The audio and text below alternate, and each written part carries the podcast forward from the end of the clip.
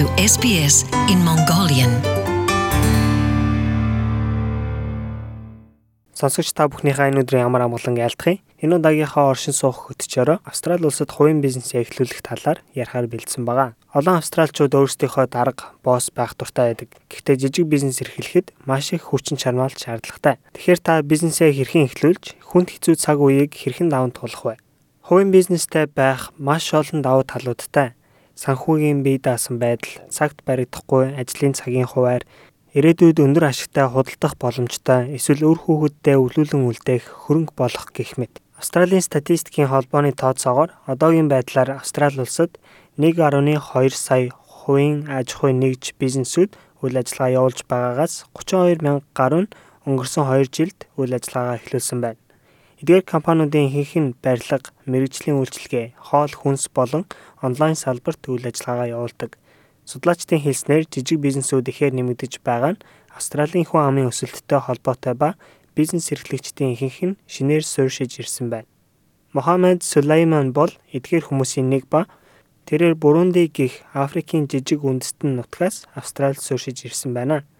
Түүний ажилуулдаг дэлгүүр Сиднейн баруун бүсэд орших Auburn дүүрэгт байрладаг mixed business. Small appliances, it's like uh, domestic appliances, uh, fridges and the wash machine.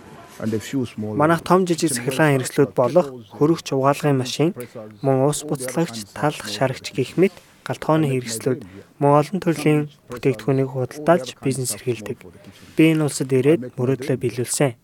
Хийж байгаа зүйлдээ их хүсэл тэмүүлэл сонирхолтой байх нь амжилтын хамгийн чухал жор хэмээн бизнес стратегч Жорген Шмектел хэллээ. Don't start a business just because it looks like there's a lot of money in there. Зөвхөн их орлогыг бодож бизнес эхлүүлэх хэрэггүй. Учир нь та ирээдүйд хийж буй зүйлээсээ өдөр бүр урам авч байх нь чухал ба хэрвээ зөвхөн мөнгөний төлөө эхлүүлсэн бол цаг хугацаа өнгөрөхөд саад бэрхшээлд таны урам зориг мөхөх аюултай. Мохаммед найзаасаа бизнесийг нь худалдаж авсан ба үүнийг хийхэд тэрээр хөрөнгө хөрөмтлөх хэрэгтэй болсон байна. Австралид миний хамгийн анхны ажил бол цэвэрлэгээний ажил байсан. Энэ надад хитрхи хүнд санагдсан. Тэгээ дараа нь хүргэлтийн бизнест орж ажиллан тодорхой хэмжээний мөнгө цуглуулсны дараа энэ бизнесийг худалдаж авахар шийдсэн. Ер нь эхлэл хөрөнгө байхгүй байсан ч бизнес эхлүүлэх боломжтой. Юу шаардлагатай вэ гэхээр эерэг үзэл бодол, шантрахгүй хөдөлмөр хэрэгтэй. Let's say you want to be a painter. There's not much you need. You need a brush. You don't even need that to buy. Шин та зураач болохыг хүсдэг байлаа гэж бодоход танд хэрэг болох зүйлүүд тийм ч том асуудал биш юм. Танд биер хэрэгтэй. Гэхдээ та үүнийг заавал өөрөө худалдаж авах шаардлагагүй. Та хөрш шалуудаараа явн санал тавьж болно. Би энд шинээр ирсэн зураач хүн байна. Танд зураг зуруулах сонирхол байгаа юу гэх мэт. Хэрэв та урдчлаа тал мөнгө төлөх боломжтой бол би танд хямд үнийн санал тавьяач гэдэг юм уу? Урдчилж авсан мөнгөөрөө та багаж, будаг, бусад шаардлагатай зүйлсээ худалдан аваад л таны бизнес эхэлсэн байна гэсэн үг. Австрали улсад бизнес эхлүүлэхэд харьцангуй хялбар. Ихэнх хуулийн болон банкны бичиг баримтыг онлайнаар бүрдүүлэх боломжтой. Гэхдээ эхний ээлжинд нэгтлэн бодогчоос мэрэгжлийн зөвлөгөө авахыг Мохаммед Сулайман бас зөвлөлөө. You need an account under your ABN number. Та шинэ бизнесээ бүртгүүлэхэд таны ABN дугаар болон компанийн нэр байхад л хангалттай. Таны бизнес амжилттай явах уу бүтлгүүтэх үү гэдгийг тодорхойлох хамгийн том шалгууруудын нэг бол customer service буюу үйлчилгээний чанар мөн соёл юм. Customer service is very important which is uh, hard in a business. So if no good Үйлчлэгээний чанар мөн соёл бизнес хамгийн чухал зүйлүүдийн нэг юм а. Хэрвээ үйлчлэгээ муу бол хүмүүс бүтээгдэхүүн үйлчлэгийг буцааж мөнгөө авахыг шаардсан Fair trading буюу Австралийн шудраг худалдаа байгууллагт мэдүүлэг хийж заргалддаг. Тиймээс та бизнесээ сайжруулах шаардлагатай бол хэрвээ асуудал үргэлжилсээр байвал таны бизнес бүтлгүүдэх эрсдэлтэй. Хоёр дахь чухал зүйл нь таны бизнесийн гадаад үзмж ба үйлчлэгээний газартаа засвар хийж сайжруулан анхаарал татгууз байлгаснаар үйлчлүүлэгчид таны бизнесийг сонирхох нь ихсдэг. Сидней хотын Auburn дахь Mohammed Suleimani бизнесээс хідэн алхмын цаана New Look Fashion нэртэй Tia So-гийн эмэгтэй хувцсны дэлгүүр байрладаг.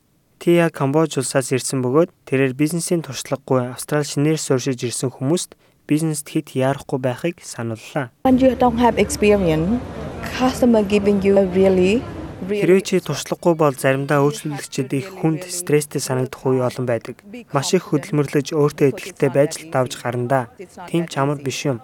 Мөн жижиг бизнес эрхлэхэд их урт цагаар ажилладаг хэмээн Тия хэллээ. 7 day per week. they can't afford to take holiday. 7 хоногийн 7 өдөр нь ажиллана. Амралт авах цаг гардаггүй. Шударгаар хэлэхэд бид өөрсдийнхөө цалин авахын тулд өөрсдөө ажиллаж байгаа л хүмүүс юм. Хэрвээ таны бизнес тийм ч сайн явахгүй байгаа бол хит их алдагдлалд орохгүй тулд цаг алдалгүй зөв шийдвэр гаргаж бизнесээ зогсоох нь чухал юм.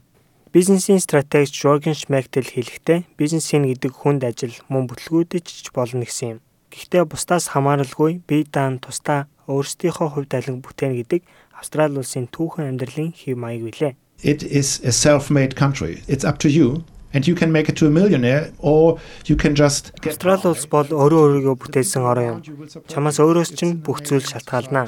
Саятан ч болж болно, арай гэж амьдарч ч болно. Хажууд чинь байгаа хүмүүс мөн чамд туслана. Нийгмийн хувьд жижиг хувийн хөвшил хийх дуртай байдаг нь харагддаг. Хувийн хөвшил болгон алдагдал бас амсдаг. Бүтлгүүтлээс айх хэрэггүй. Харин ч шинээр дахин эхлүүлэх боломж туршлага болж байна гэсэн байдлаар хандах хэрэгтэй гэсэн юм а. Австралийн засгийн газрын хэрэгтэй холбоосуудыг нийтлэлийнхаа доор оруулсан байгаа шүү. Мөн манай энэ удаагийн сэдвээр Moz Express, Moz Visa бизнесүүдээр монголчууд бидэнд танигдсан. Заяа өөрийнхөө туршлагаас хуваалцсан юм а.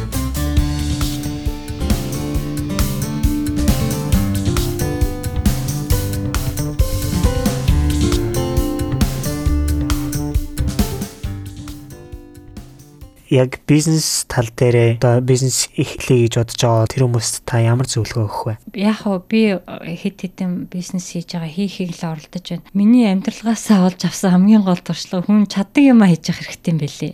Тийм. Тэгэхээр өөрийнхөө би ямар эмээг эзэмсэн бэлээ, мэрэгжилүүлээ, чадвар юу лээ тэрнтэй холбоотой ямар бизнес opportunity, бизнесийн боломж байна гэдгийг энэ оронд олж харж чадвал бизнес эхлүүлвэл айгүй зүгээр юм бэлээ аа мэдээч хэрэг бизнесээ эхлүүлэхийн хувьд аа бол одоо хуулийн дагуу тавигддаг шаардлагуудын бүгдийг одоо хангацсан байх хэрэгтэй а хууль хууль ёсоор компани байгуулад компани бүртгүүлээд а хууль ёсоор нэрээ аваад татварын албанд бас бүртгүүлээд ингээд явах юм бол одоо бизнес нэгтчлээ л гэсэн үг шүү дээ тийм ээ.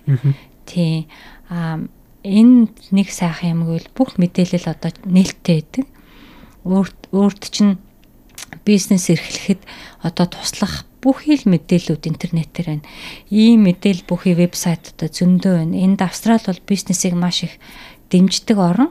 Тийм учраас Австралийн засгийн газрын бизнесийг дэмжих зорилгоор одоо зөндөөл вебсайтууд байна шүү дээ тийм үү яаж бизнесээ эхлүүлэх үү одоо бизнесийнхаа хэлбэрийг тийм үү яаж зөвөр олж авах уу гэдэг дээр одоо зөндөө зөвлөгөө өгсөн одоо үнэгүй мэдээл бүхий вебсайтнууд байгаа. За та бизнесийн хэлбэрийн хувьд яриад эхэлсэн чи одоо бас нэг юм хэлье. Ер нь бол компанийн дөрвөн янзын хэлбэр байгаа.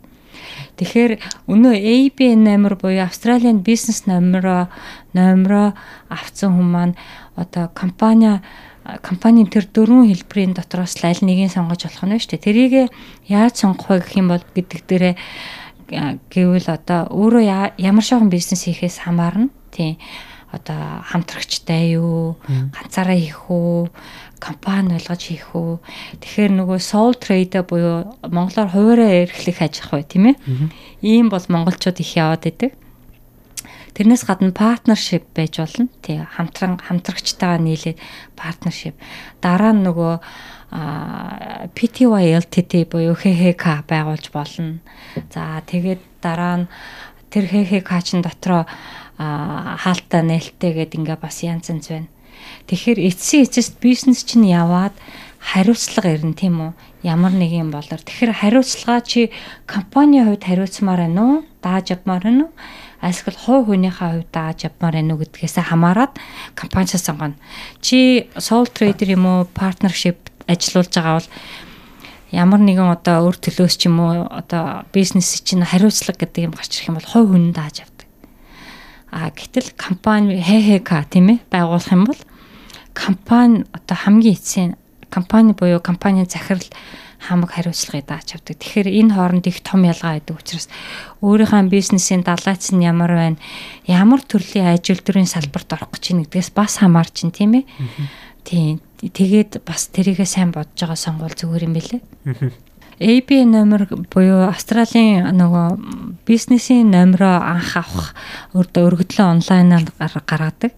Тэгтээ бол ер нь бол тэр өөрийнхөө хуваараа эрхлэх аж ахуйн нэрийг бас сонгох боломжтой байдаг. Их хүмүүс зүгээр өөрийнхөө л нэрийг өгчдөг. Тий. Нэрээ сонгож болно.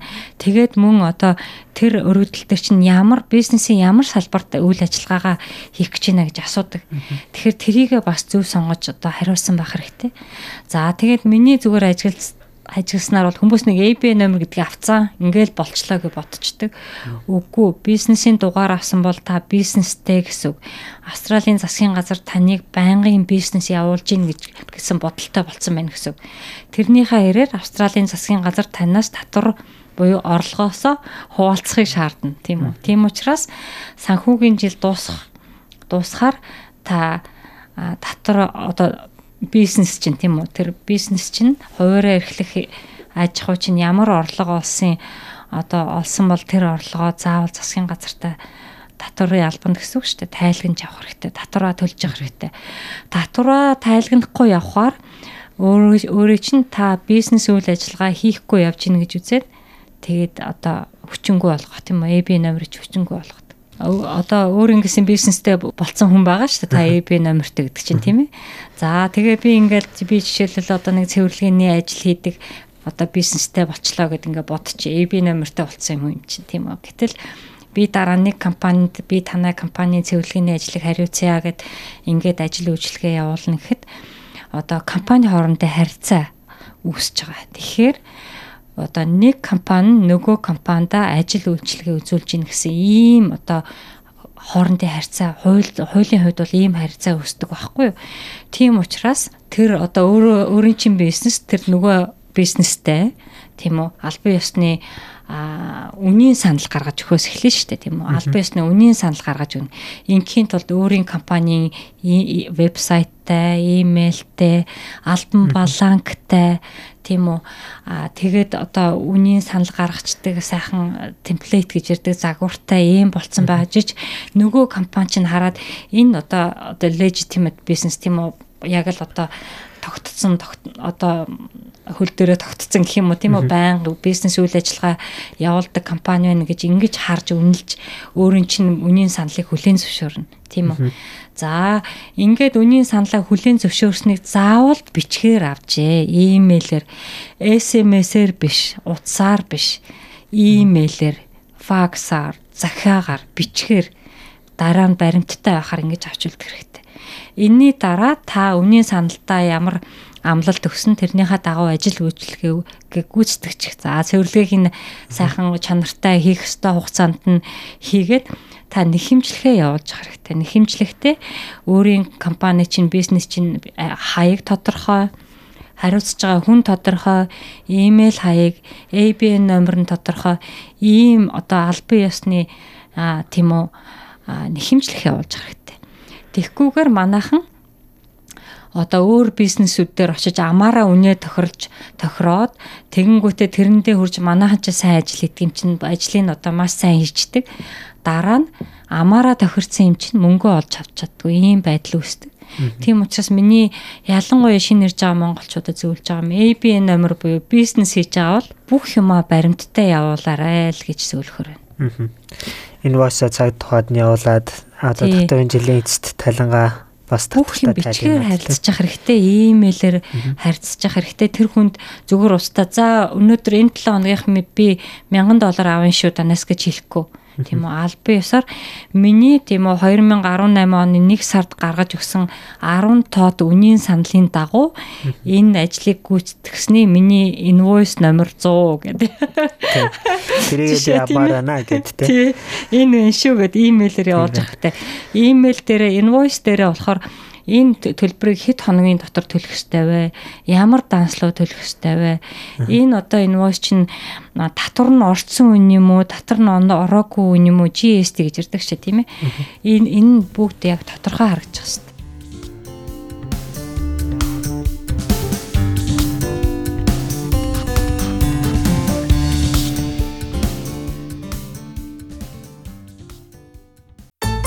SBS